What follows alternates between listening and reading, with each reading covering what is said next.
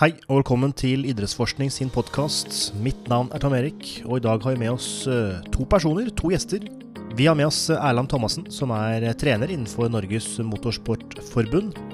Og Vilde Marie Holt, som er motorsportutøver innenfor enduro. I og med at vi har både utøver og trener i samme episode, så vil det være naturlig å spørre litt om hvordan dette samarbeidet foregår, og hvordan de trener og forbedrer prestasjonen innenfor enduro. Hvor fysisk og mentalt krevende er det å sitte på en sykkel og kjøre rundt og rundt, eller fra A til B? Hvilke tanker gjør man seg før start? Må man være sterk? Kreves det noe utholdenhet å sitte på en motorsykkel? Svar på dette med mer får dere i denne episoden, så her er det bare å følge med. Og med det så ønsker vi deg en god lytting. Velkommen Erland og Vilde Marie til vår podkast. Tusen takk. Tusen takk. I dag så har vi en litt annen vri på podkastepisoden vår, der vi har både med trener og utøver i eh, selvfølgelig da samme idrett, eh, som jobber sammen.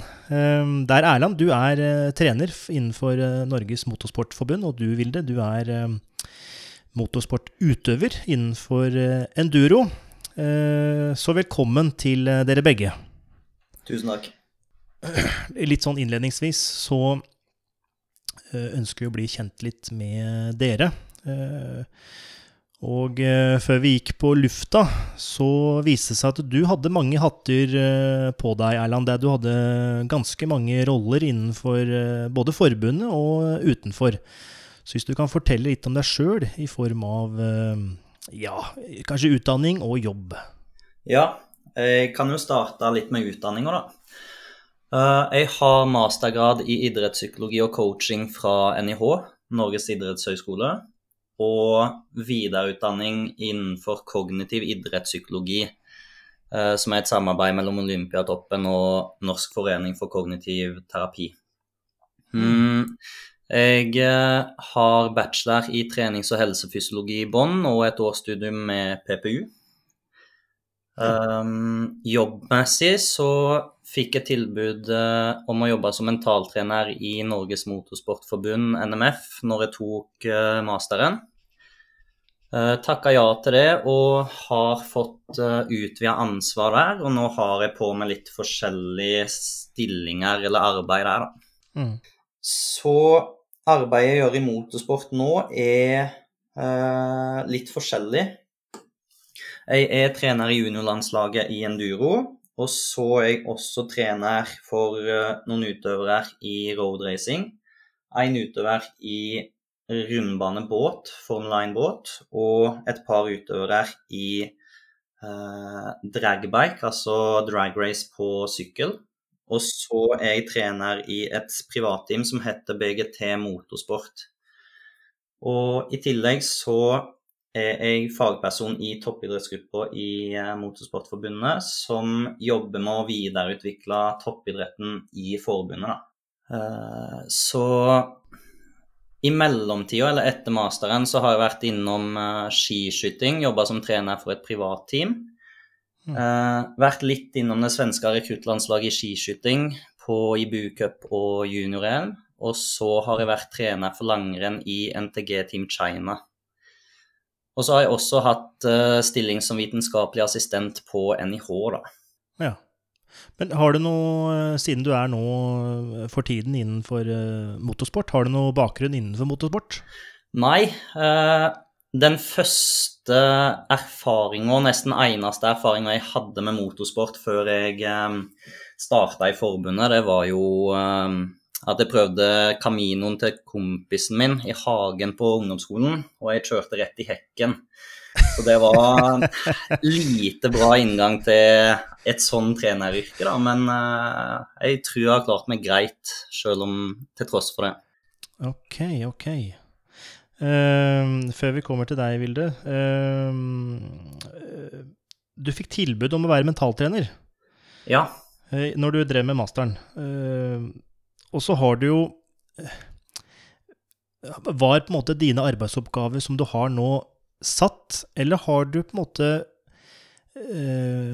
dannet din egen stilling Uh, ja, innenfor gitte rammer så har det egentlig vært mye frihet til å definere arbeidet sjøl. Og det tror jeg har vært en veldig fordel, fordi da har jeg hatt muligheten til å tilpasse eh, arbeidet etter behovet som utøverne har. da. Og mm. f.eks.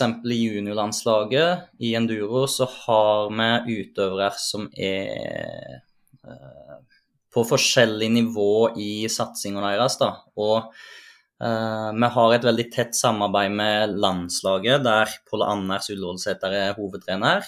Og uh, han har på en måte hovedansvar for uh, det som er kjørespesifikt enduro, da, siden jeg har lite kunnskap og erfaring der. Og så har jeg hovedansvar for oppfølging på treningsbiten, treningsplanlegging, fysisk trening, også den mentale biten for flere av utøverne. Fint. Uh, Vilde Marie. Nå har jeg sagt Vilde og Vilde Marie. Bruker du begge navn? Jeg kan bruke begge navn. Ok, Vilde Marie.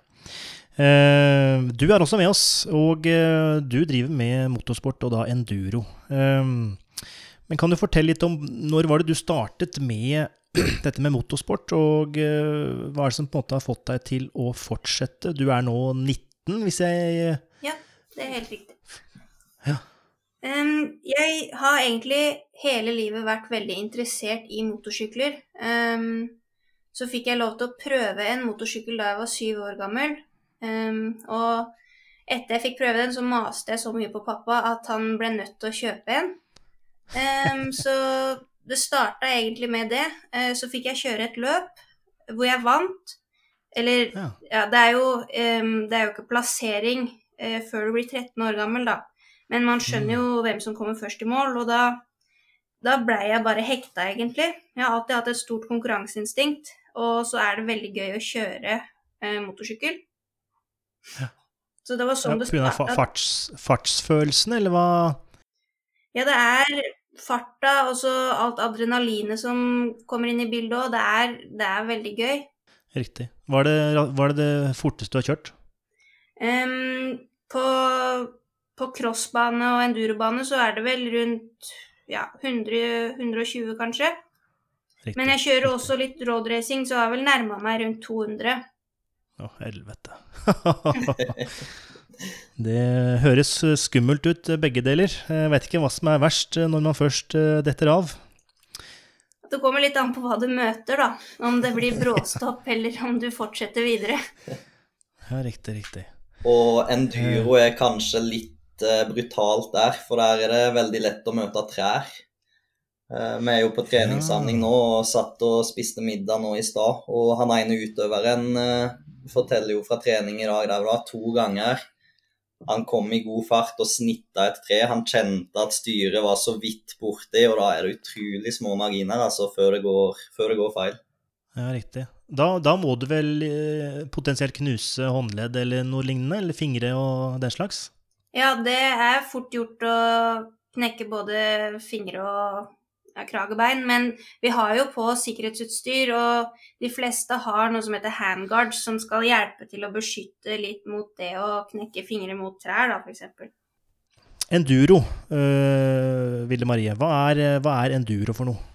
Um, jo, enduro det er en motorsykkelidrett hvor vi kjører ja, i skogen, på jorder, over steiner, det er, veld, det er, en veldig omfatt... Eller det er en stor idrett eh, som blir kjørt på mange forskjellige eh, steder. Mm, mm, mm. Kjører du langt? Er det langt? Um, det kommer litt an på hvilke, hva slags type konkurranse man kjører. Um, så når vi kommer ut utafor Norge, så blir det litt større løp hvor vi har transportetapper uh, som går på veien, bl.a. Men der er det ikke noe tidspress, eller? Um, det har jo det er jo Du skal kjøre en transportetappe, og så har du flere tidsetapper, da. Og så har du jo et tidspress på deg med at du skal være på den tidsetappen til et gitt klokkeslett. Bra.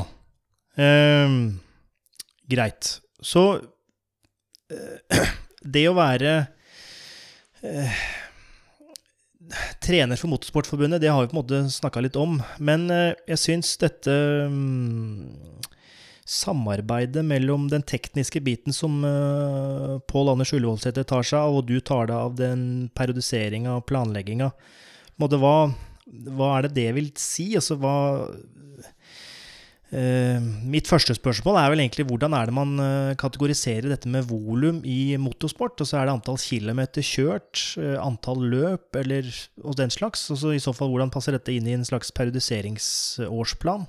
Det er um, et veldig bra spørsmål, og egentlig en av de tingene som jeg som trener måtte liksom tilvenne meg mest til når jeg gikk over fra langrenn og skiskyting, som har vært type uh, mine idretter, da. Mm. Og mm, med mengde, når vi tren planlegger trening nå, så måler vi mengde i antall timer. Mm. Uh, og fra f.eks. skiskytterarbeidet og langrennsjobben jeg hadde før, så har det jo vært intervalløktene som har vært hardøkter, og så har det uh, vært rolig trening eller spenst eller styrke i tillegg, da. Og mm. liksom Når jeg gikk inn i arbeidet i Motorsportforbundet, så så jeg for meg at de må jo trene mye utholdenhet og må jo trene mye intervaller i tillegg. Men så har jeg fått en veldig stor forståelse for at de kjøreøktene de gjør på sykkelen, de er Noen av de er utrolig harde fysisk. Mm. Uh, så den skiintervallen som en skiskytter har, da, det er synonymt med ei hard kjøreøkt som en enduroutøver har. For det er på en måte den spesifikke bevegelsesformen, da. Mm, mm. Men, men uh, Ville Marie, når du har hatt en uh, hardøkt, hva er det den hardøkta består av? På sykkel så består det av tidstrening, hvor vi da pusher rundetider. Det vil si at mm. vi kjører én runde så fort vi klarer. Um, ja, for å prøve å få ned tiden, da. Og da Det krever veldig mye, både mentalt og fysisk, for å klare å holde en hel runde hvor du gir alt, da. Mm. Um, og det simulerer jo på en måte et løp, da. Eller at du er i en konkurransesituasjon. Mm, mm. Men, men uh, i, i, den type treninga, har du noe, har du noe fokuspunkt uh, under hardøkta? At uh, ok, den svingen der, den skal jeg mestre, for den er litt, den er litt dårlig på. Og det vil jo være kanskje teknikkbasert eller uh, ja. trøkkbasert eller Ja, nå sier jeg sikkert ting som høres helt uh, Jo, det, jo det, det, blir litt mer teknikk igjen. Mm. Men egentlig så er jo ei sånn hardøkt blir jo både det å presse kroppen fysisk, få bli vant med å kjøre med høy intensitet, og eh, utfordre teknikken. For det er jo lettere å kjøre teknisk riktig når du har lav fart enn høy, og så i mm. enkelte tilfeller er det å tørre mer. Mm. Og hvis du da kjører en, en rolig økt, eh, gjør du det samme, eller er det noen andre fokusområder enn å pushe rundetider? Da er det litt andre fokusområder igjen. Da jobber vi stort sett med å ja, finpusse teknikken, lære nye elementer på forskjellige baner. Um, ja, og klare å kjøre gjennom nye hindre, da. Mm, mm. Hva er det du finner mest utfordrende? Jeg syns eh, det er forskjellige teknikkøkter som jeg syns er litt mer krevende, fordi du jobber jo med eh, å utvikle deg, da. Um, og bli bedre. Og det er jo vanskelig å gjøre ting du ikke er så god på. Riktig. Og hva er det du er sterkest på og svakest på? Mm, med min bakgrunn fra motocross, så vil jeg si at min min sterke side, det vil være å ha god fart, og at jeg er aggressiv da, på sykkelen. Mens min svake side vil komme litt igjennom når du er på litt mer um, elementer på banen som ligner mer trail, da. Så hvor utøvere kommer fra trail, har bedre, bedre teknikk på å kjøre, da. Så det er det jeg fokuserer mest på. Å mm. trene på mm, litt mer vanskelige elementer. Riktig, riktig.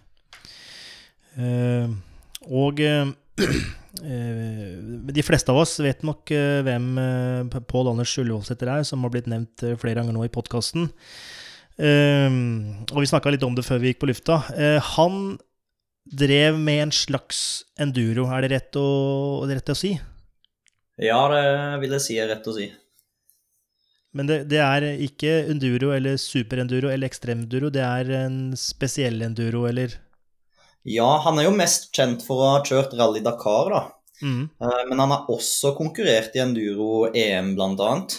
Mm. Eh, Så han har vel Sier feil når jeg sier at han har vært innom motocross?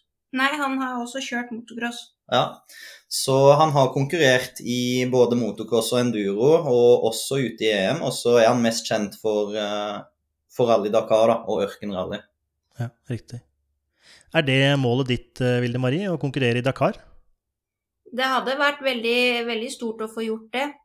Riktig. Er det på en måte det største innenfor det du driver med, eller fins det andre ting som VM, f.eks.? Ja, eh, for min del så er VM det neste målet, da. Ja, riktig. For du har allerede har, konkurrert i EM?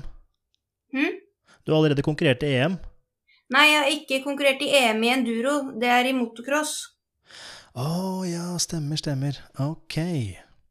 Riktig. Men jeg har eh, Jeg debuterte i VM i enduro i fjor. Um, og jeg fikk en niendeplass sammenlagt, så det er jeg veldig, veldig fornøyd med.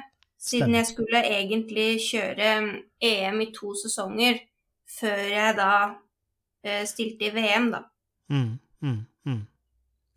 Er, det, er det vanlig å på en måte starte med motocross og ta steget til noen andre grener, eller starter man gjerne rett i en spesialgren eller eh, en bestemt gren? Det er vel veldig forskjellig, men det er mange som bytter litt grener. Jeg tror de ser eh, at de kanskje har et bedre potensial i en annen gren da når de først har begynt. Mm, Eh, men det er også mange som blir i den de starter i, da. mm, mm. Og du gikk da fra motocross til enduro, og hva var grunnen til det? Grunnen til det var fordi at jeg fikk et tilbud av Pål Anders eh, om å bli med på landslaget. Mm, Eh, da de trengte jenter som var villige til å satse, da. Ja, Riktig. Ålreit. Eh, Da tenker jeg vi beveger oss litt til eh, hoveddelen. Og det går jo på at det er en slags trener-utøver-relasjon mellom dere. Eh, Og dere er på samling akkurat nå. Hvor er dere på samling? Er det i Norge eller utland? Ja, vi er i Norge. Ja. Plan A det var å dra til Italia og delta i en EM-runde etter ei to ukers samling. Mm. Det var en litt uh, ambisiøs plan med tanke på koronasituasjonen. Ja. Uh, så da fant vi ganske fort ut at vi gikk for plan B, som var å ha en nasjonal samling. Riktig. Så nå er vi på hotellet i Hønefoss, og så har vi hatt to kjøredager på Lunner. Uh, veldig bra kjøredager. Mye god trening med, med godt, på et godt anlegg. Og så har vi vært på Jevnaker i dag og kjørt. Og i morgen blir det Jevnaker, og så på onsdag så skal vi opp på eh, Bang i Valdres og kjøre på isbane Oi. ute på et vann, så det blir, eh, det blir mye høyt tempo. Og jeg har snakka med noen av utøverne som de grugleder seg litt, fordi de er ikke vant med å ha så høy fart på is. Så jeg gleder meg til det. ok. Men er det da eh, Når man skal kjøre på is, så Det, det bildet som poppa opp i hodet mitt nå, var de som legger seg ekstremt ned i svingene og, og sladder eh, og kjører rundt og rundt på bane. Er det, er det sånn type sykkel man har da, eller hvordan foregår den treningen på is, iset? Ja, det du, den eh, idretten du snakker om der, tror jeg er speedway, når de kjører på rundbane Ja, og ja. ligger i sladd i svingene. Stemmer. Og um, på is så har de jo uh, Uansett hva vinterkjøring det er, så har de jo piggdekk. Mm. Uh, og de piggene er jo vinkla sånn at når de kjører i svingene på isen, så tar piggene veldig godt tak òg. Ja, riktig. Og det som utøverne ikke vet, da det, det er litt av det som er moro med å være trener med på Landers for han finner på så mye gøy. Så han sendte meg bilde et par dager før samlinga da, og liksom sa at ja, jeg gleder meg til iskjøring. Og da tok han bilde av en, en sykkel som er mye kraftigere enn det utøverne har, med skikkelig piggdekk, så han, skal jo, han har jo mål om å kjøre fra alle utøverne for gøy. så jeg gleder meg til å se det. Ok, riktig, riktig. Eh, men sånn, eh, sånn ellers, hvordan er det dette samarbeidet mellom dere foregår? Er det sånn at dere har eh, kontakt hver dag? Er det treningsarbeid hver dag, eller foregår det litt mer over det digitale? Ja.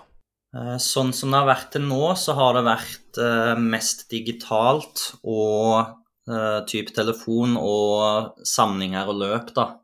Mm. for jeg har fram til nå bodd i Lillehammer. flyttet til Oslo, sånn at jeg kan følge opp utøverne tettere på treninger og daglig. Mm. så vi har mm, på jevnlig basis hatt telefonsamtaler ukentlig der vi gå gjennom treningsuka og evaluere det, og så legger vi treningsplanen for eh, neste uke. Mm. Og så, vi, så prater vi litt rundt ikke bare det som handler om trening, men litt rundt uh, alt, alt, annet, da, egentlig. For, mm.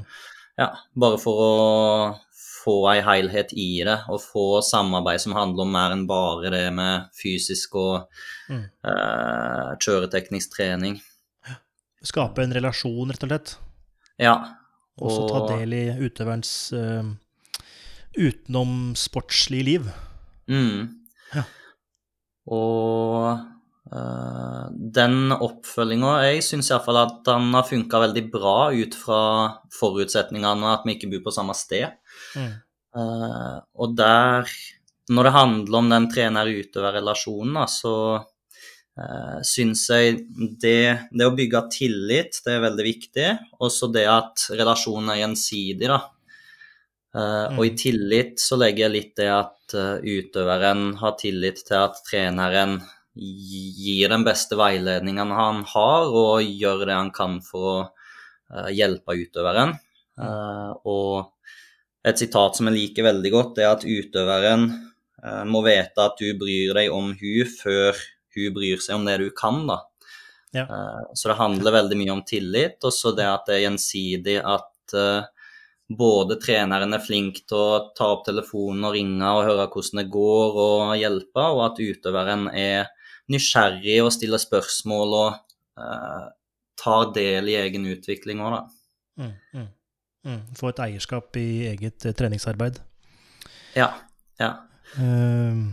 hvordan føler du ja, fortsett. Det var egentlig et spørsmål jeg tenkte og venta med, sånn at Vilde svarte først, for det er den type treneren jeg vil være. ja, riktig.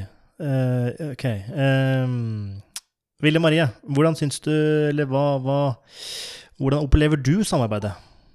Jeg opplever samarbeidet veld, som veldig positivt. Um, jeg har veldig godt, uh, godt samarbeid med Erland. Um, og jeg får veldig, veldig mye god hjelp.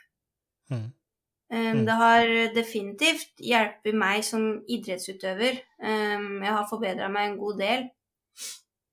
Mm. både, både, det med å snakke, ha en trener jeg kan snakke med. jeg får hjelp til trening, mentaltrening. Så det er veldig, veldig fint samarbeid. Mm. Hva er det hvis man tenker på utvikling, din utvikling som utøver de siste åra, hva, hva, er det Erland har hjulpet deg mest med? Han har hjulpet meg mest med å kunne strukturere treningsdagen min. Um, mm. At jeg har fått et veldig godt um, opplegg som passer til meg. Um, som, ja, som, har hjulpet meg videre, da. Ja, ja.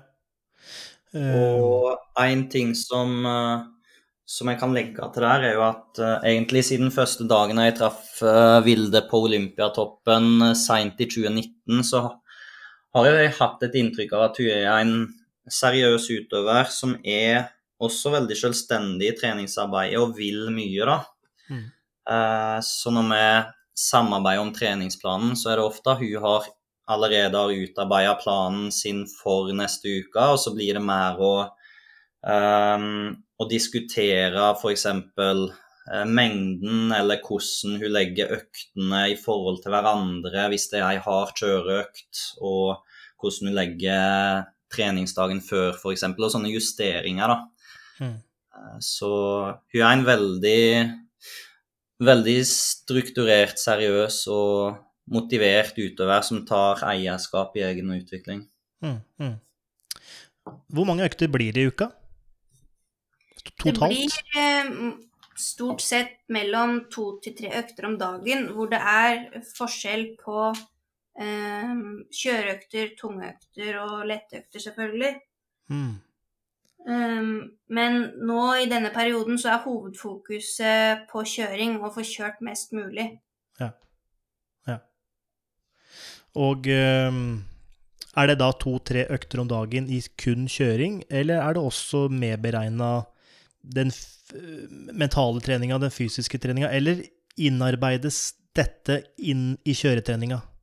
Nei, dette er eh, Det blir Det er blanding av både mental, kjø, eh, mentaltrening, kjøretrening og fysisk trening.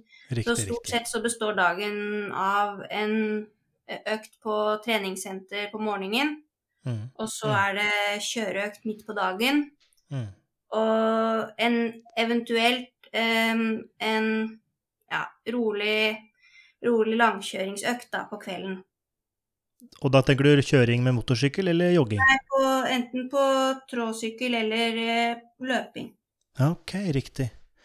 To til tre økter om dagen, altså. Det, det, det, det hadde jeg ikke forventa, altså, for å være helt ærlig. Det, det hørtes eh, veldig mye ut.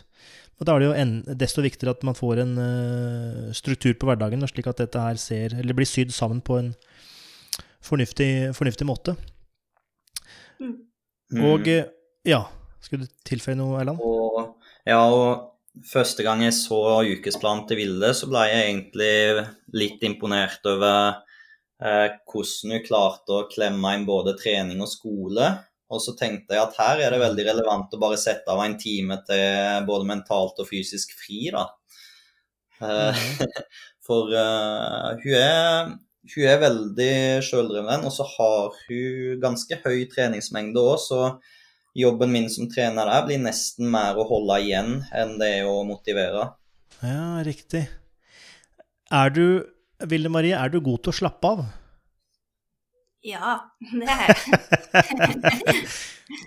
Fordi eh, jeg skal ikke påberope meg at jeg kjenner deg, men jeg, det virker som du er en driftig jente og eh, liker å trene, liker å holde aktivitet, og kanskje det å sitte stille i to timer er litt kjedelig?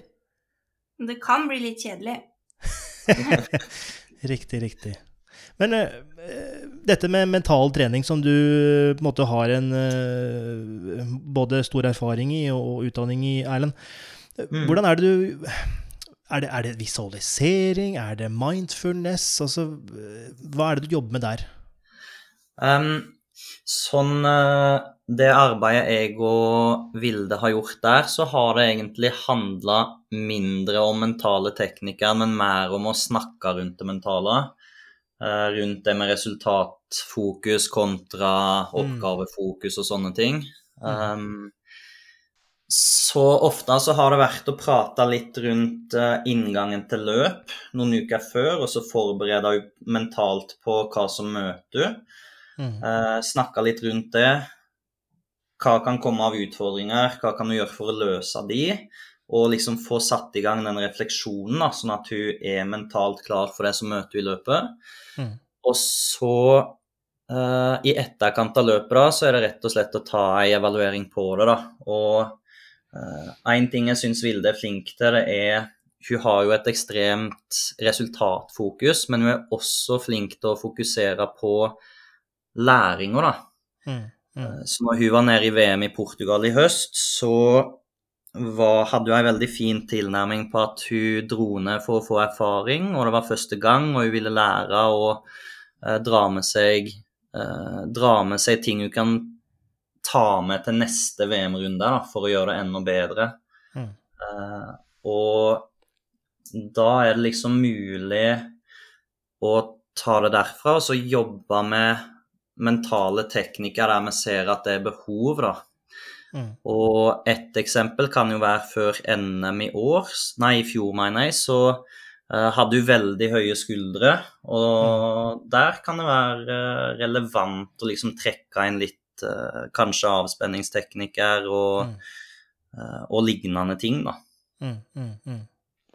Men Ville Marie, hva er det med uh, dette med høye skuldre, dette med kanskje for, for høyt spenningsnivå? Hva er det med enduro, eller det er kanskje ikke spesifikt til idretten engang, det er bare dette med konkurranseaspektet, men hva er det som gjør at du har, eller den gangen da, hadde høye skuldre, og kanskje nå har fått litt lavere skuldre før konkurranse?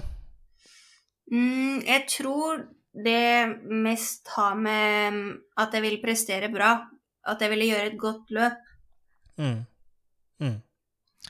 Fordi du, er, du, tenker aldri konsekvenser. Det, det, tipper jeg er dumt som en motorsportutøver, men som gammel mann, og hvis jeg setter meg på motorsykkel, så tenker jeg oi, nå håper jeg ikke jeg krasjer. Jo, altså man må på en måte tenke konsekvenser. Eh, hvis du er mm. uheldig og skader deg, da er jo eh, mye av sesongen ødelagt. Og det er mm. veldig fort gjort å gjøre en feil eh, hvis du har et feil fokus som da resulterer i en skade. Mm. Så du må, du må, tenke konsekvenser til en viss grad. Um, så det må du. Men tror du det jeg vet ikke om dette er et uh, dumt spørsmål, men kan det å tenke for mye konsekvenser også være med på å bremse deg? Absolutt. Um, det kan det.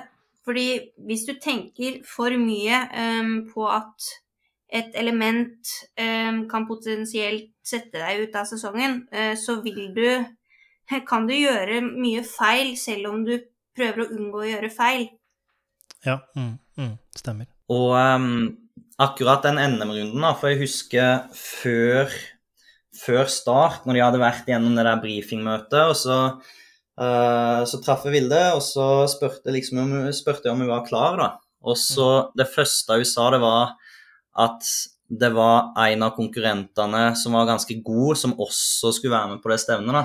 Nei, på det løpet. Mm. Eh, og da var jo naturligvis eh, responsen min der var å bare si at det eneste du skal tenke på nå, det er ditt løp, det er de tingene du skal gjøre, som du kan styre. Mm. Og eh, litt av grunnen til at jeg tenkte at eh, det ikke var kritisk viktig å jobbe med avspenningsteknikker for å senke skuldrene der, var at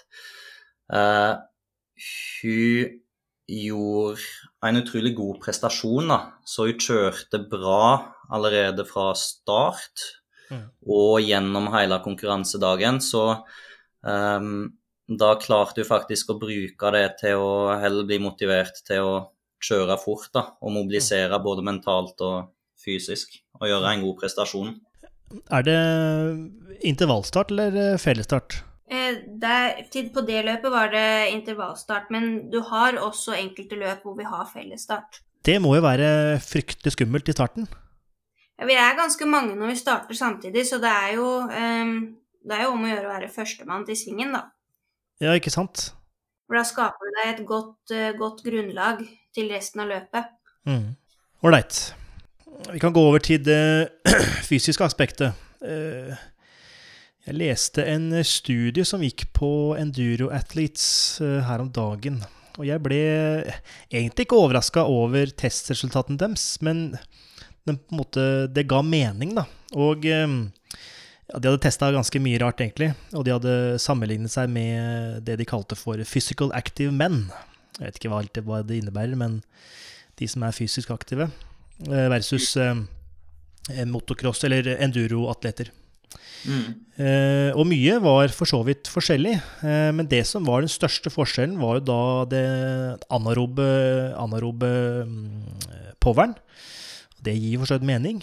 Eh, også dette med eh, De hadde en test som het extended arm hang, der de da mest sannsynlig henger, sånn som i 'Mesterens mester', eh, x antall sekunder. Eh, og dette med 90-graderen inntil veggen, altså wall sit duration, der hadde motocross- eh, eller enduro-utøverne betraktelig mye lengre tid enn eh, de fysisk aktive mennene. Og det ja. gir jo mening med tanke på at du skal mest sannsynlig jobbe både med lårmuskulatur på et eller annet vis, det får jeg for så vidt forklare etterpå, og øh, jobbe relativt statisk og dynamisk for så vidt med underarm og fingre. Mm. Og apropos den 90-graderen, så brukte de det i testbatteriet før jeg kom inn som trener. Okay. Eh, Men så var det en av utøverne som sto i over en halvtime, så på Landers bare trakk det fra testbatteriet, for han hadde ikke tid til å gjennomføre. Ja, det skjønner jeg veldig godt. Riktig, Ja. riktig. Eh, Ja, interessant. Hva slags testbatteri har dere nå? Eh, Vi bruker en litt forenkla versjon av Ironman-protokollen. Så Mm. vi har 3000 meter test og eh, kassehopp og Mm. pushups og chins eller pullups. Og Mm. så på slutten så ligger vi på ryggen i sånn beinhevstilling, da, med beina rett over bakken, og så holder de statisk så lenge de klarer. Stemmer. Stemmer.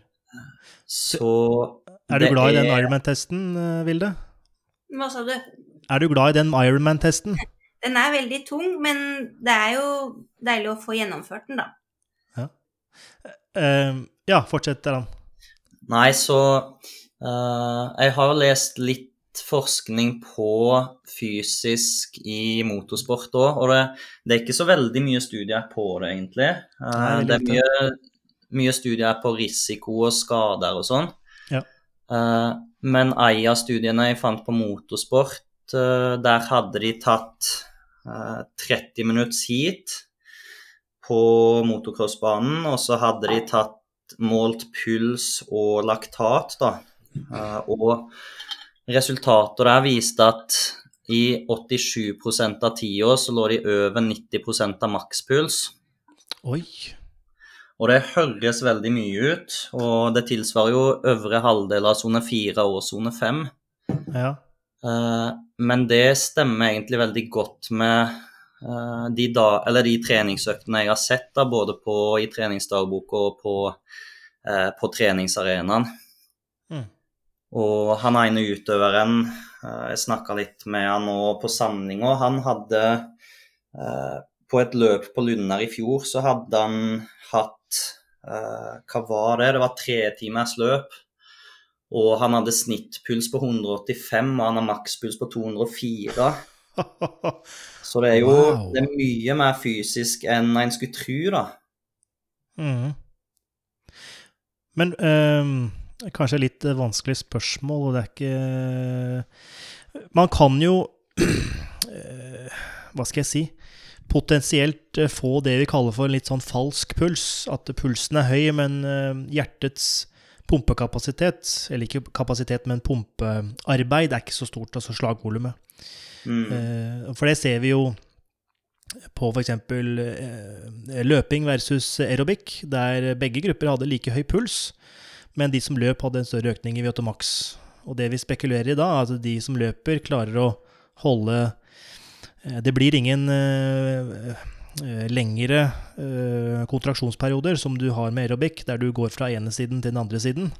Mm. Eh, Mens i løping så har du kortere kontraksjoner, som gjør at blodtilstrømminga går raskere.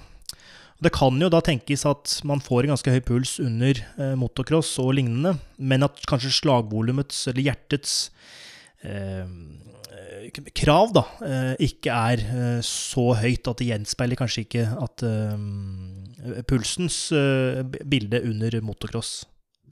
Nei, og jeg tror du sier noe viktig der, fordi rent fysiologisk så er det jo egentlig umulig å ligge på så høy puls over så lang tid hvis du driver med f.eks. løp, da. Mm.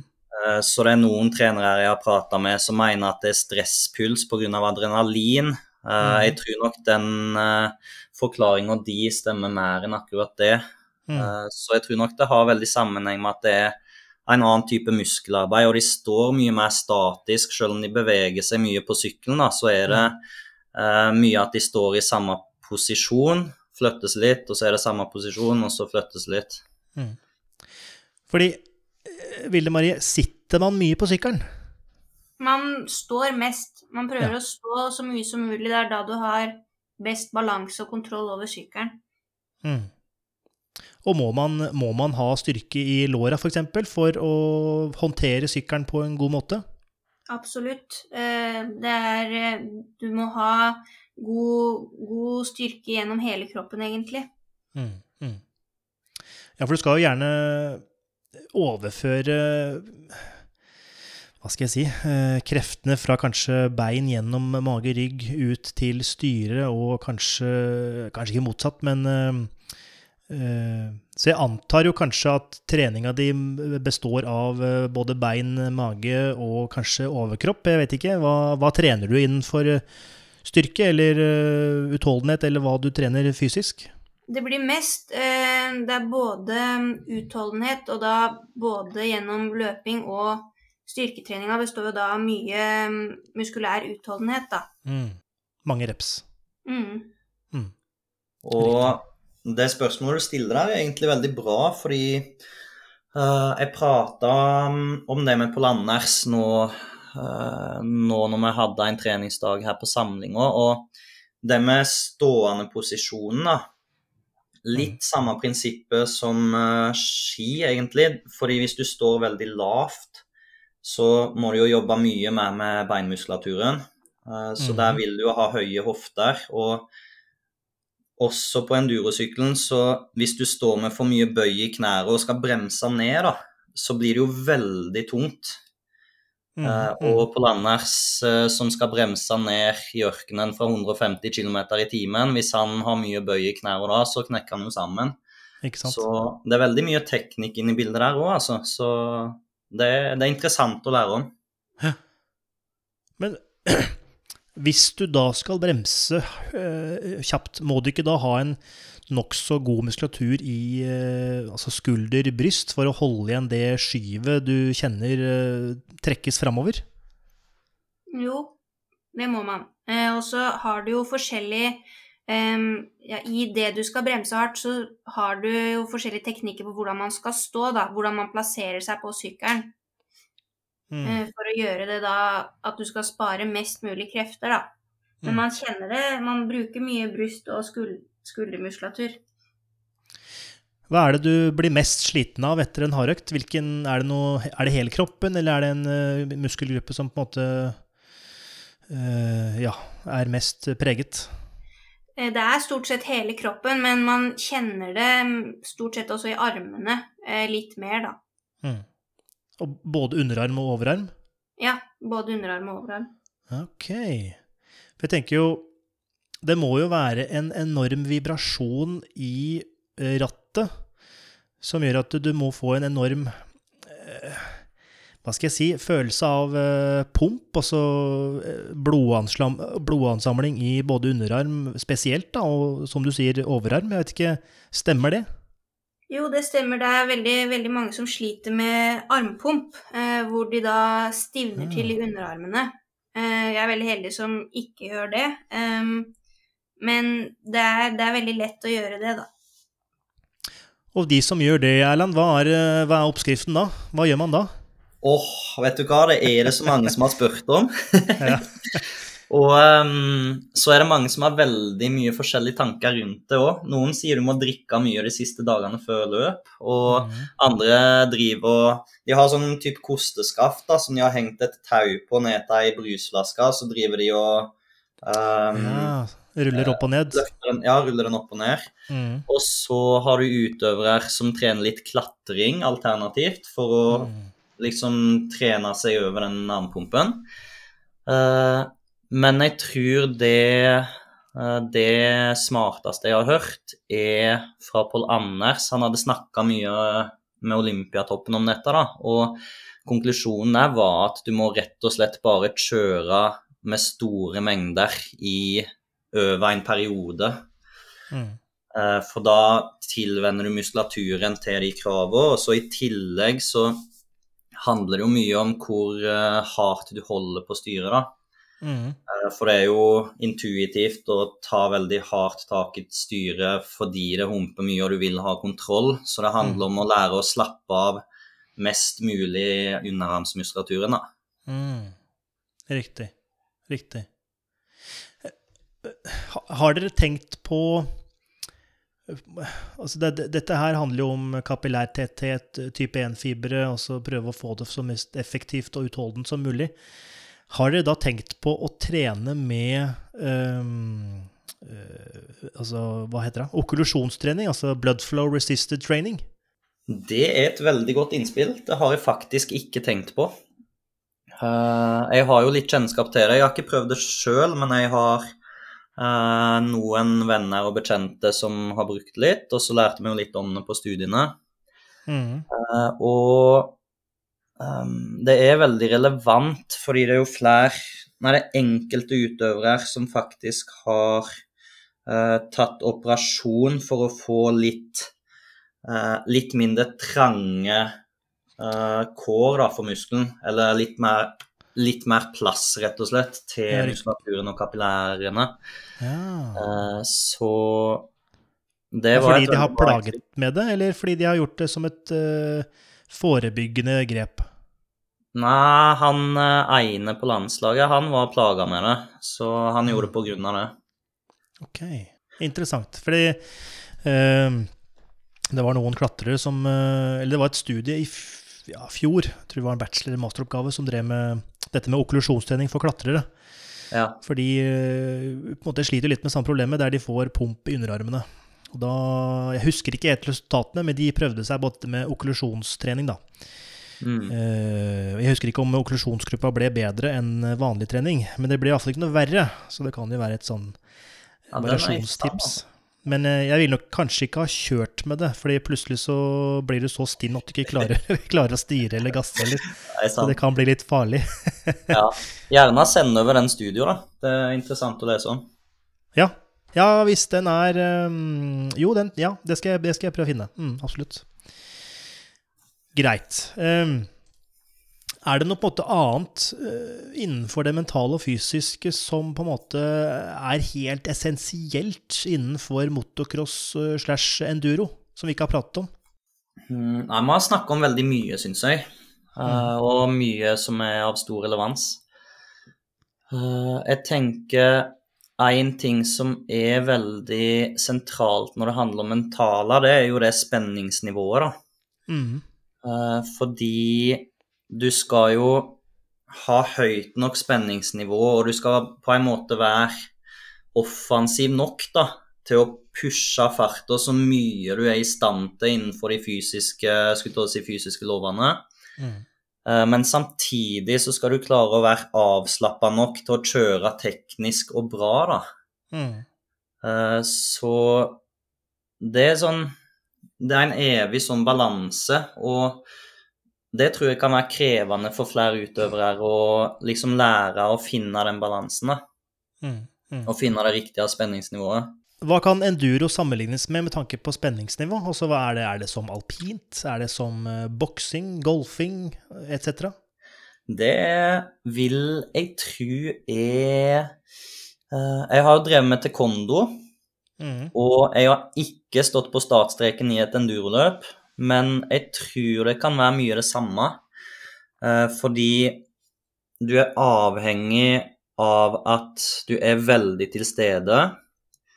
Eh, for du skal reagere på ting som skjer veldig raskt. Mm. Og du er nødt til å være veldig skjerpa, eh, fokusert, du må være påskrudd. Men samtidig, altså i taekwondo så er det sånn hvis du er anspent, så sparker du seinere. Mm. Og det er sånn hvis du er anspent i enduro, så uh, føler du ikke sykkelen. Uh, og du er nødt til å ha veldig mye føling med underlag og hvordan sykkelen oppfører seg og sånn. Mm. Og jeg tror det er veldig relaterbart til spenningsnivået du vil ha i uh, f.eks. en taekwondo-kamp. da. Eh, fordi hvis du ser på en golfer, så tror jeg hvis du setter spenningsnivået til en golfer på en enduroutøver som står eh, før en fellesstart, da tror jeg det går veldig dårlig. og hvis du tar spenningsnivået til en styrkeløfter, så kan det hende med veldig høy sannsynlighet at han tar starten, men sannsynligvis så kjører han ut i første sving. Ikke sant? Ikke sant? For det er, i tillegg til det at du må være veldig, veldig skjerpa, så er du nødt til å kunne gjøre de fintekniske tingene riktig, da. Mm. Det er jo kanskje litt som eh, de sier på Iskrigerne, kontrollert sinnssyk. Ja, faktisk. Det, jeg tror det ligger noe der. Ja. Han ene utøveren på landslaget, han sier at han eh, Han skal være vill, men ikke for vill. Ikke sant? Ikke sant? Riktig. Og når du står på startstreken, eh, Ville Marie, er det sånn at du må eh, roe deg ned, eller må du få deg opp i spenningsnivå? Altså, eller er det perfekt eh, der du går inn i eh, startblokka? Jeg pleier ehm, Altså, dette er jo veldig individuelt, da. Eh, men Mm. for meg så går jeg eh, litt for meg selv en halvtime før starten går. Eh, hvor jeg bare tenker gjennom alt jeg skal gjøre. Mm. Um, ja, og på en måte Jeg girer meg opp rett før, rett før starten går, men jeg har hatt en god halvtime hvor jeg da forbereder meg aleine, da. Hvor jeg ikke vil eh, på en måte Da prøver jeg å være mest mulig selvstendig og ja, tenke gjennom alle de oppgavene jeg skal få, få, få frem da under det løpet. Mm, mm, mm. Går det da i uh, musikk? Uh, I så fall hva slags type musikk? Eller er det bare stille og rolig uh, og, og, og ja, mørkt og svalt eller lignende? Jeg, jeg, jeg sitter veldig jeg har, jeg har det helt stille. Jeg prøver bare å ja, prøve å finne et rolig sted hvor jeg ja, kan sitte og bare være, egentlig. Ja. Hva er det du Hva er det den oppgaven som oftest går igjen, eller den tanken som oftest går igjen, at dette må jeg ha fokus på, og dette, det, Eller den, den tanken har du ofte før hver, eh, hvert renn? Um, for min del så er det Jeg tenker veldig ofte på de styrkene jeg har. Mm. Um, og hvis det er forskjellige steder på den banen jeg skal kjøre, som jeg veit om kan være litt krevende, så Mm. går jeg veldig ofte gjennom hva jeg skal gjøre, da, for å, for å, få, til, for å få til det elementet på banen uten at jeg gjør feil, da. Sånn at Mm. jeg er Jeg veit hva jeg skal gjøre allerede før jeg har kommet dit. Mm. Blir det benytta noe form for VR innenfor motorsport? Jeg har ikke vært borti det. Nei, ikke som jeg har kjennskap til i de um, motorsportene som jeg driver med. Det kan hende at det er noen internasjonalt som gjør det. Eh, for det er jo teknologi som er veldig på vei fram. Og Mm. eh, jeg har jo hørt at eh, de idrettspsykologiske rådgiverne på Olympiatoppen de bruker i mye større grad VR i mentaltreninger da, Mm. for å gjøre det virkelighetsnært. Mm. Så man kunne jo nesten ha tatt på seg eh, 360-kamera, hjelm, eh, kjørt løypa, eh, og så kunne man da ikke visualisert, men faktisk sett løypa og forberedt seg på bakgrunn av det, f.eks. Mm. Og um, sånn som f.eks. i superenduro, da, som er en av de andre typene enduro, så Mm. Eh, var jeg med på VM i Polen. Uh, det er veldig svært. Det Mm. er I Polen og andre europeiske land så er det jo like stor folkesport som langrenn og skiskyting er i Norge. Og da har du eh, Det var egentlig en veldig gøy reise, for jeg reiste med to av utøverne på landslaget. Og han ene kom til finalen, da. Og da er du inne i en sånn svær stadion med 10 000 tilskuere, og det er fullt trøkk. Mm. Og um, det er sånn Bare den opplevelsen der var Det var helt, det var helt rå. Men uh, tilbake til poenget, så uh, Dagen før konkurransedagen, da, så var det mulig å gå inn i stadion og befare løypa. Uh, så utøverne gjorde det. Og så på kvelden da så ble det lagt ut offentlig en film av eh, løypa fra et GoPro-kamera til eh, forrige årets VM-vinner som kjørte gjennom. da. Mm. Og ok. jeg lå på rommet med den ene utøveren, og han brukte en halvtime, tre kvarter på å bare se gjennom Mm. eh, for å forberede seg mentalt. Så det med å bruke teknologi for å både forberede til, men- til løp, men også trene mentalt, da, det er eh, noe som jeg tror blir mer og mer aktuelt. Og der er vi nysgjerrig på hvordan det er mulig å rett og slett bruke teknologien òg. Har du trua på det, Vilde Marie, å se på se på eh, løypeprofilen, eller løypa blir kjørt gjennom et eh, VR, eh, VR-utstyr, der du kanskje også sitter på en statisk motorsykkel? Ja, absolutt. Eh, det vil jo selvfølgelig hjelpe både eh, før løpet, selvfølgelig. Eh, du får jo veldig god innsikt i løypa når du ser den bli kjørt. Du Mm. ser jo da Ja, du får jo du får et, et nytt inntrykk, da, enn Mm. hvis du går løypa. Så det er absolutt Det er en veldig, veldig fin Det hadde vært en veldig fin måte å kunne kunne visualisert banen på, f.eks. Ja, ja. Jeg tror nok det kommer uh, mer og mer fram både i uh, Ja, der man trenger å visualisere. Det er uh, i hvert fall de, de idrettene som er mer lukkede, er kanskje litt enklere å få til. Uh, er man åpne idretter som ja, som motocross er til en viss grad, fordi du kjører mot andre, og du vet aldri hva de finner på. Så blir det jo vanskelig på en måte Du, du får ikke noen scenarioer inne i eh, VR-en. Det kan selvfølgelig legges inn, det òg, for så vidt, men eh, det blir jo litt eh, avansert, for så vidt. Mm. Og så I tillegg så har du jo det at uh, første runden kan jo være helt forskjellig fra siste runden fordi det kommer nye spor osv. Ja, ikke sant. Mm. og så eh, når de går på befaring da, uh, tidligere på dagen eller dagen før, så er det liksom det å uh, gå gjennom scenarioer, se på nei, sporvalg, og ikke minst se på alternative spor. da, i tilfelle du kommer bak en utover som du vil forbi. Så det er veldig mye taktisk inni der og mye uforutsigbare situasjoner som kan oppstå. da. Mm. Ja, absolutt. Absolutt. Eh, slik jeg har forstått det, så er det kun eh, Eller kun kjønn, kubikk og alder det klassifiseres etter. Stemmer det? Det stemmer. Det stemmer. Du kjører eh, 125 eh, eh, kubikk? Nei, eller jeg har gjort det, men jeg har gått opp Jeg kjører en 250 totakt. Ok. Um, hvor mye veier den sykkelen? Den veier litt over 100 kilo. Riktig, riktig. Og den sykkelen er den samme som gutta bruker, på en måte? Ja. Riktig. Eh, Det er jo forskjellige sykler, og det er jo det er ikke forskjell på syklene for jenter og gutter. Riktig. Men er det noen sånn standardisering på sykkelen du kan kjøre med? Altså er Må den veie mellom 100 og 103 kilo? Er det noe sånn uh, spillerom på akkurat det der? Eh, I motocross så veit jeg i hvert fall at um, sykkelen må veie mer enn så og så mye da ut ifra hvilken sykkel du kjører. Fordi Mm. eh, jo lettere sykkelen blir, em, jo fortere vil det jo da gå.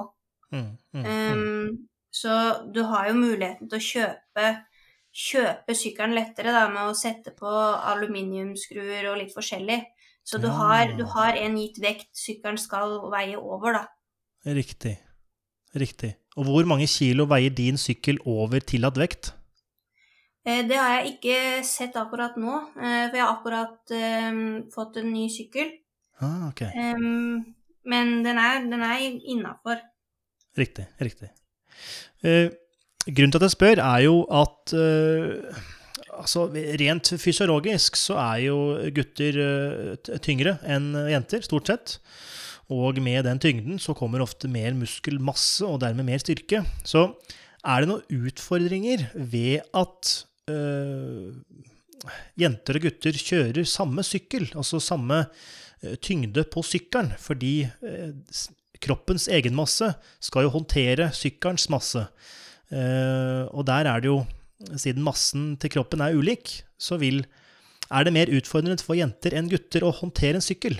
Mm, jeg vil ikke si det um, fra mitt perspektiv, men um, all, man, kan jo, man stiller jo inn sykkelen ut ifra vekt og høyde, så du stiller på dempere, og du kan skru på motoren sånn at den passer, passer til deg da, som utøver.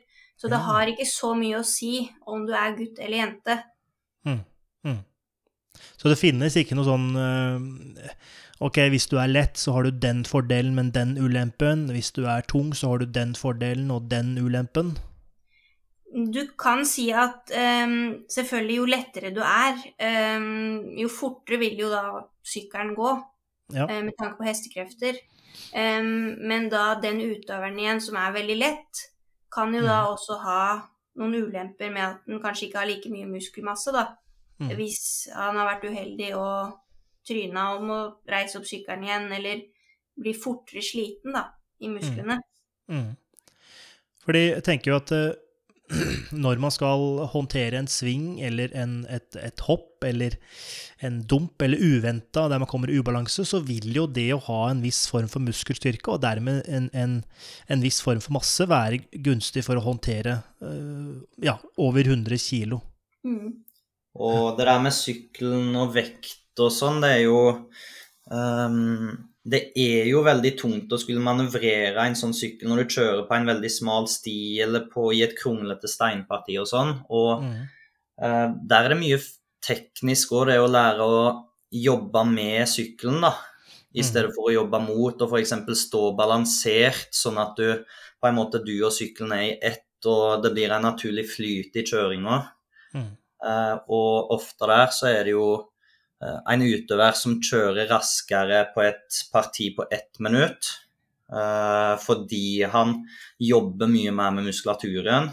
Kan kanskje bli utslitt etter en halvtime, da, fordi han rett og slett jobber for mye for å kontrollere sykkelen, sammenlignet med en som kanskje taper tre sekunder på det minuttet, men kjører mye mer arbeidsøkonomisk, sånn at Mhm. han holder kanskje tre timer da, i stedet for en halvtime.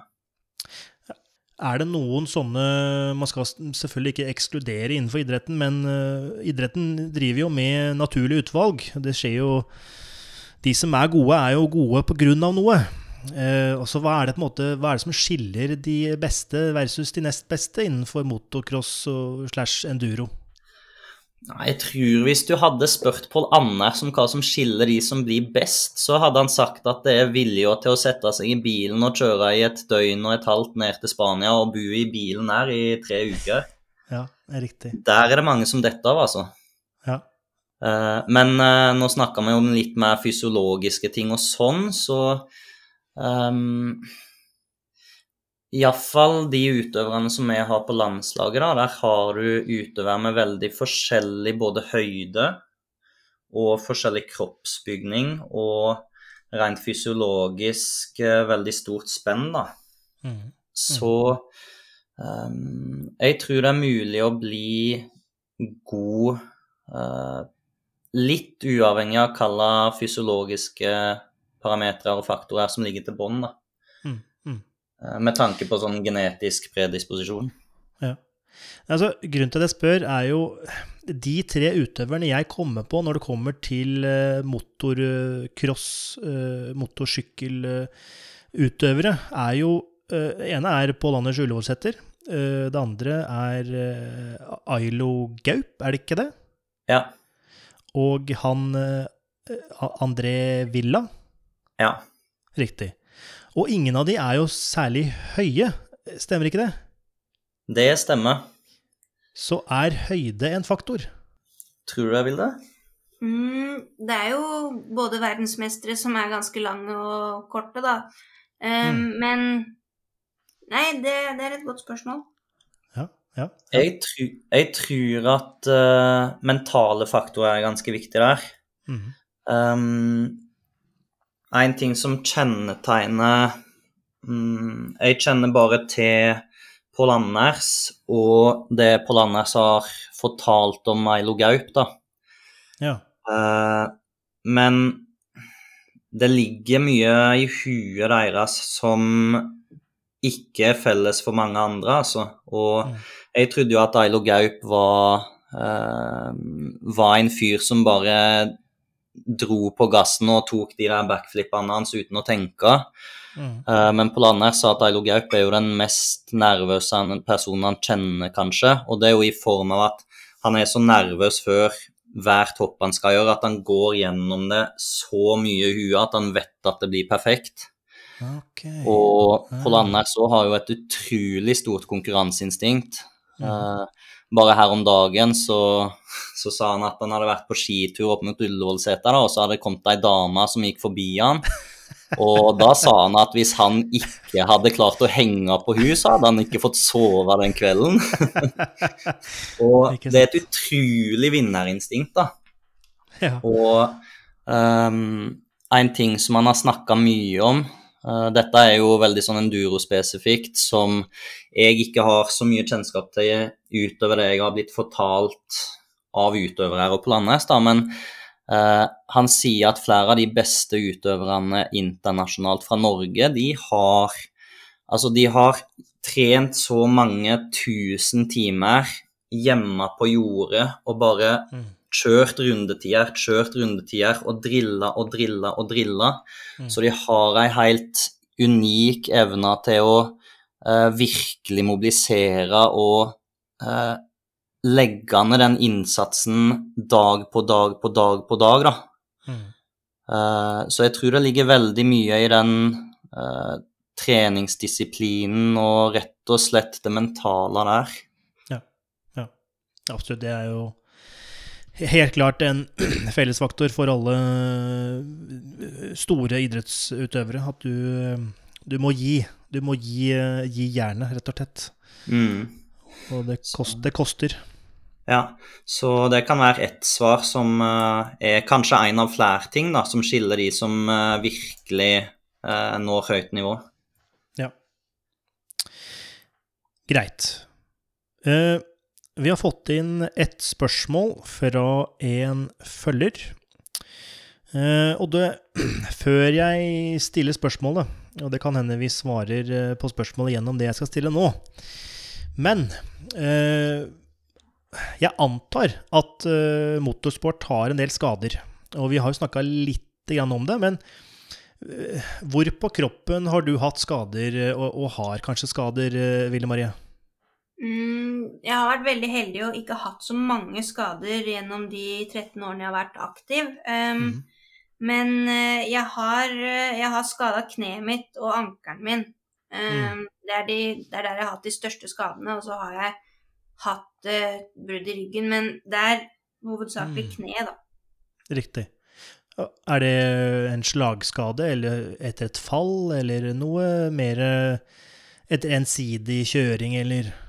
Det har, vært, det har vært etter både slagskader hvor jeg, etter jeg har um, landa feil etter hopp, og så har det vært vridningsskader. Ja, riktig. Men i ikke i samarbeid, i sammenheng med kjøring på sykkel, ikke sant? Ja. Riktig, riktig. Um, hvis man, du, du, har jo mest sannsynlig flere utøvere, Erland. Eh, er det noen skader som på en måte går igjen? Mm, det er um, uh, Hvis vi ser på enduro-landslaget nå, så er det to som uh, sliter litt med skuldra. Og så er det uh, Vilde og Mette. De har begge hatt kneskader etter fall. Mm. Um, og utover det så er det faktisk ikke så mye skader akkurat nå, altså. Ok. Huh. Men det er jo uh, Han ene som var innom endurolandslaget, han var jo tidligere motocrossutøver, og mm.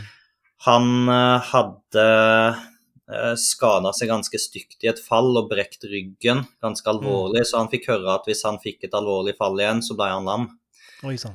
Uh, så det er kanskje mer risikabelt i motocross fordi det er mye hopping og sånn. Mm. Uh, men det er lite, lite skader uh, nå, altså. Mm, mm. Vil du si det er mer, eh, mer akutte eller mer um, belastningsskader? Nei, det er faktisk litt belastningsskader òg. Og det som er når utøverne kjører, så uh, Når de er i skogen, da, så går det jo veldig fort. veldig tett på trær, f.eks. Så hvis de er uheldige og treffer et tre, så er det jo veldig stor risiko for å bli skada. Men eh, mm. de har såpass høyt ferdighetsnivå og kjenner eh, sine egne grenser såpass bra da, at de, det er veldig sjelden det skjer noe eh, sånn alvorlig skade, egentlig. Mm. Greit. Vi har fått inn et spørsmål, som nevnt. Um, litt usikker på om uh, Spørsmål Jeg, jeg veit ikke helt om hun har forstått uh, hvem dere er, men uh, vi, jeg får nå stille oss, så får vi se hva som skjer. Ja. hvordan trene opp et håndledd etter operasjon? kun fått lov til å løfte kaffekopp i 14 dager. Og jeg antar at hun kanskje tror, og, og antar rett for så vidt, ant, eller nå mye antar her, Ehm, det er jo sikkert mye håndleddskader, eh, tipper jeg, i motorsport, eller motocross, da. Uh, og det er sikkert mange som har skada håndleddet sitt eh, og operert håndleddet sitt. Så hvordan trene seg opp etter en slik skade slash operasjon? Ja, det er um, Vilde sier det er litt, litt her, Men mm. uh, hun Genette Våge var jo på 'Mesternes mester' nå, da. Ja, og hun opplevde jo at hun faktisk måtte runde av karrieren pga. det håndleddet som uh, vedvarte. Mm. Uh, mm. Men jeg har lite eller ingen spesifikk uh, erfaring med håndleddskader. Mm. Og det som jeg liker å gjøre, og det jeg tror er lurt av meg å gjøre når utøvere sliter med f.eks. knær eller skuldre eller andre skaderelaterte problemstillinger, så mm Um, så sender de egentlig videre til fagfolk som kan det bedre enn meg. Ja. Uh, så vi har et godt samarbeid med helseavdelingen på Olympiatoppen, siden vi er landslag, og der er de utrolig dyktige på det. Og um, det er veldig fint det der samarbeidet, for da kan jeg liksom følge opp utøverne på opptrening og hvordan det går, hvordan vi må tilpasse treninga i sin helhet. Og så får mm. de veldig god direkte hjelp der da, fra fagfolk. Så jeg tør ikke å uttale meg for mye om det, altså. Nei. nei. Jeg tipper det er eh, god, et godt uh, svar. Uh, bra. Greit. Um, har for så vidt vært litt innom det, men uh, vi kan jo se om det er uh, mer igjen. Men i hvilken grad benytter du deg av forskning i ditt uh, trenerarbeid? Jeg vil si at jeg direkte eller indirekte benytter meg av det i ganske stor grad. Mm. og mye av det trenerarbeidet jeg gjør, da, det er jo basert på kunnskap som jeg har tilegna meg fra utdanning, Eh, erfaringer fra egen idrettskarriere og eh, karrieren min så langt som trener. Og samtaler som jeg har hatt med kollegaer, med medstudenter og venner og utøvere da, om trening, som i noen mm. tilfeller er forskning, eller basert på forskning, da, som vi snakker rundt det. Mm, mm. Um, og Um, jo, jeg er jo en fyr som liker veldig godt å lese, da. Så mm. det høres kanskje litt nerdete ut, men jeg kan legge meg ned uh, på kvelden og uh, ta fram ei bok med gamle Eller med sånne essensielle forskningsartikler fra det idrettspsykologiske fagfeltet og kose meg med det før jeg legger meg til å sove. Uh, så jeg syns at det er veldig viktig òg å bygge det en gjør på forskning, da. Ja.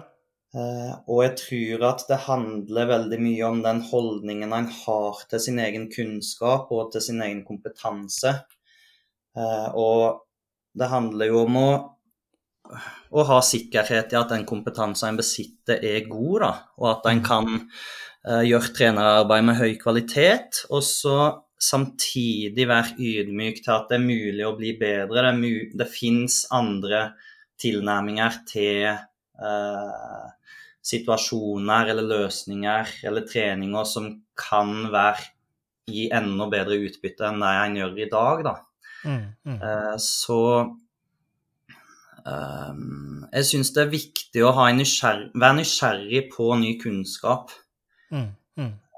og et eksempel på hvordan vi bruker forskning, kan jo være uh, det at vi prøver å skape et, uh, et prestasjonsmiljø i landslaget som ufarliggjør det å ikke kjøre raskest på trening, uh, der utøverne ikke bare vil trene på det de er best på når de er i lag med de andre, men der de gjerne blir med på kjøretreninger som de vet at de ikke vil være best på, da. Fordi Mm. der lærer de mye. Mm.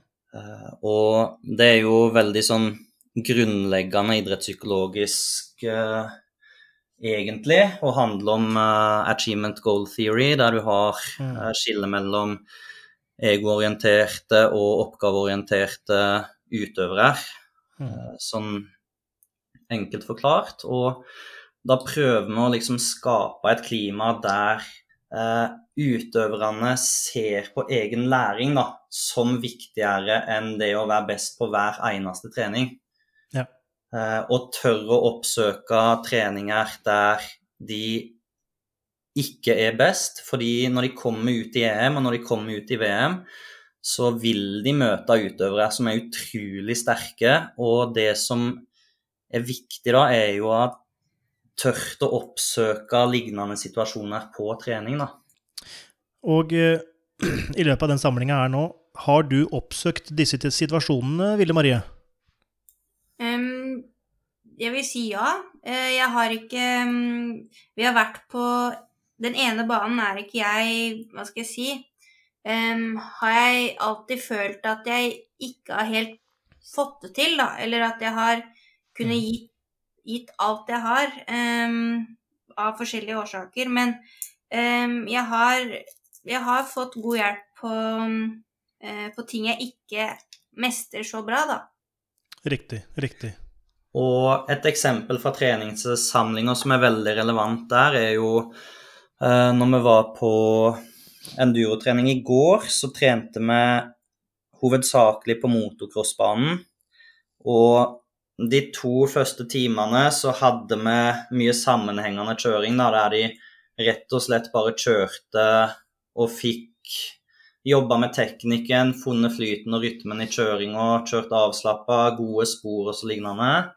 Mm. Og så, etter lunsj, så fikk de beskjed om at nå skal de kjøre tidskvall. Og i går da så innebar det at de hadde 45 minutter, og så handler det om å sette den beste rundetida, da. Okay. Eh, og hos flere av utøverne da, så skyter jo plutselig det der resultatfokuset inn.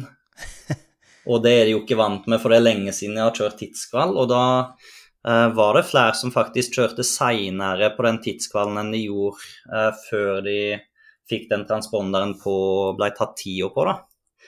Og da kommer vi litt tilbake til det med spenningsnivået som vi snakka om, og Mm. uh, klare å justere det, da. Mm.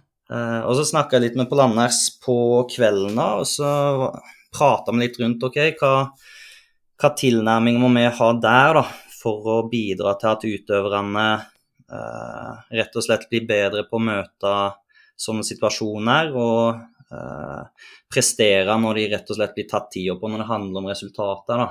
Mm. Mm. Og hovedbudskapet til Pål Anders der var at vi må kjøre mer tidskvall.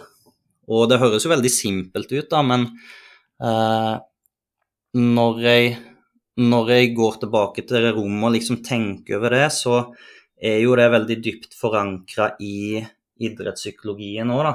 Eh, og du har jo f.eks. Eh, CATS, Cognitive Activation Theory of Stress, som er en veldig litt sånn mer helhetlig, helhetlig stressteori som ikke bare handler om hvor mye stress du har, men eh, hvilke utfallsforventninger du har til det stresset. Altså hvor godt du har trua på at du mestrer det, og, eh, og da hvilke strategier du har for å mestre det. da.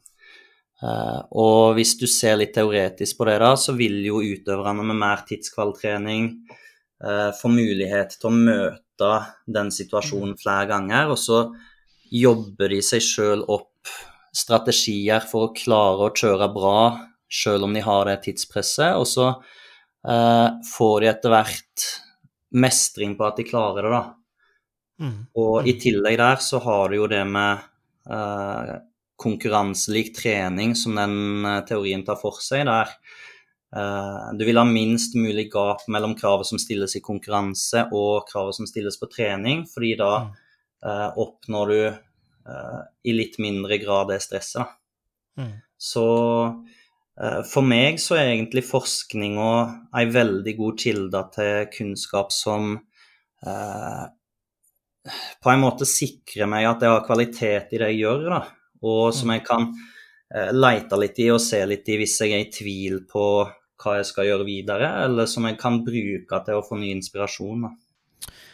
Veldig, veldig fint, uh, veldig fint uh, svar, og interessant å høre om disse teoriene som du kan knytte, knytte til de valgene man tar i et uh, trenerarbeid, du og, du og Pål Anders. Så det er veldig interessant. Absolutt. Mm. Greit. Da tenker jeg vi nærmer oss slutten. Er det noe um, vi ikke har snakket om i dag, som dere på en måte hadde lyst til å komme innom? Det er Jeg syns vi har snakka om veldig mye interessant, jeg òg, så har fått delt mye. Eh, hvis følgerne våre, lytterne våre, har lyst til å følge deres virksomhet videre, både ditt uh, trenerarbeid, uh, Erland, og ditt utøver- og enduro-motocrossarbeid, Vilde Marie, hvor er det de kan følge dere?